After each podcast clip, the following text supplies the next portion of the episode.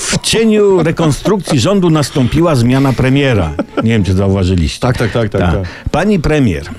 I, I, bo od tego się zaczęło. Pani premier strasznie się w Sejmie zdenerwowała. Tak krzyczała na opozycję i na pana Schetynę, bo pan Schetyna złożył wotum nieufności. Okropnie na rząd ujadał, że zabiera Polakom demokrację i chowa ją gdzieś po kątach. A pani premier przecież robiła zapasy z demokracji na zimę. A pan Schetyna poszedł w nieufność i zaczął wyliczać, co mu się nie podoba. I to, i tamto.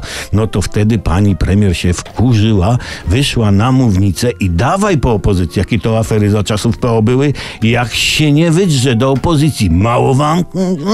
Mało? Tak było. I tu jakby zawiesiła głos, nie kończąc komu mało.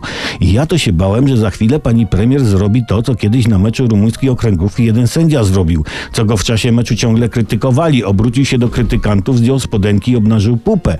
Jakby nie wprost powiedział, możecie mnie cmoknąć. I obawy były, że pani premier zrobi to samo. Było na krawędzi. Było na krawędzi.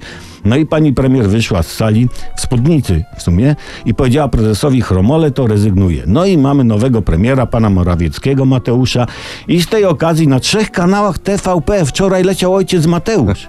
Więc oni wiedzieli. A pan Schetyna dopiął swego, bo nie dość, że obalił panią premier, to na jej miejsce wskoczył były doradca Tuska pana. I, I weź się tu w tym wszystkim połap. No i weź.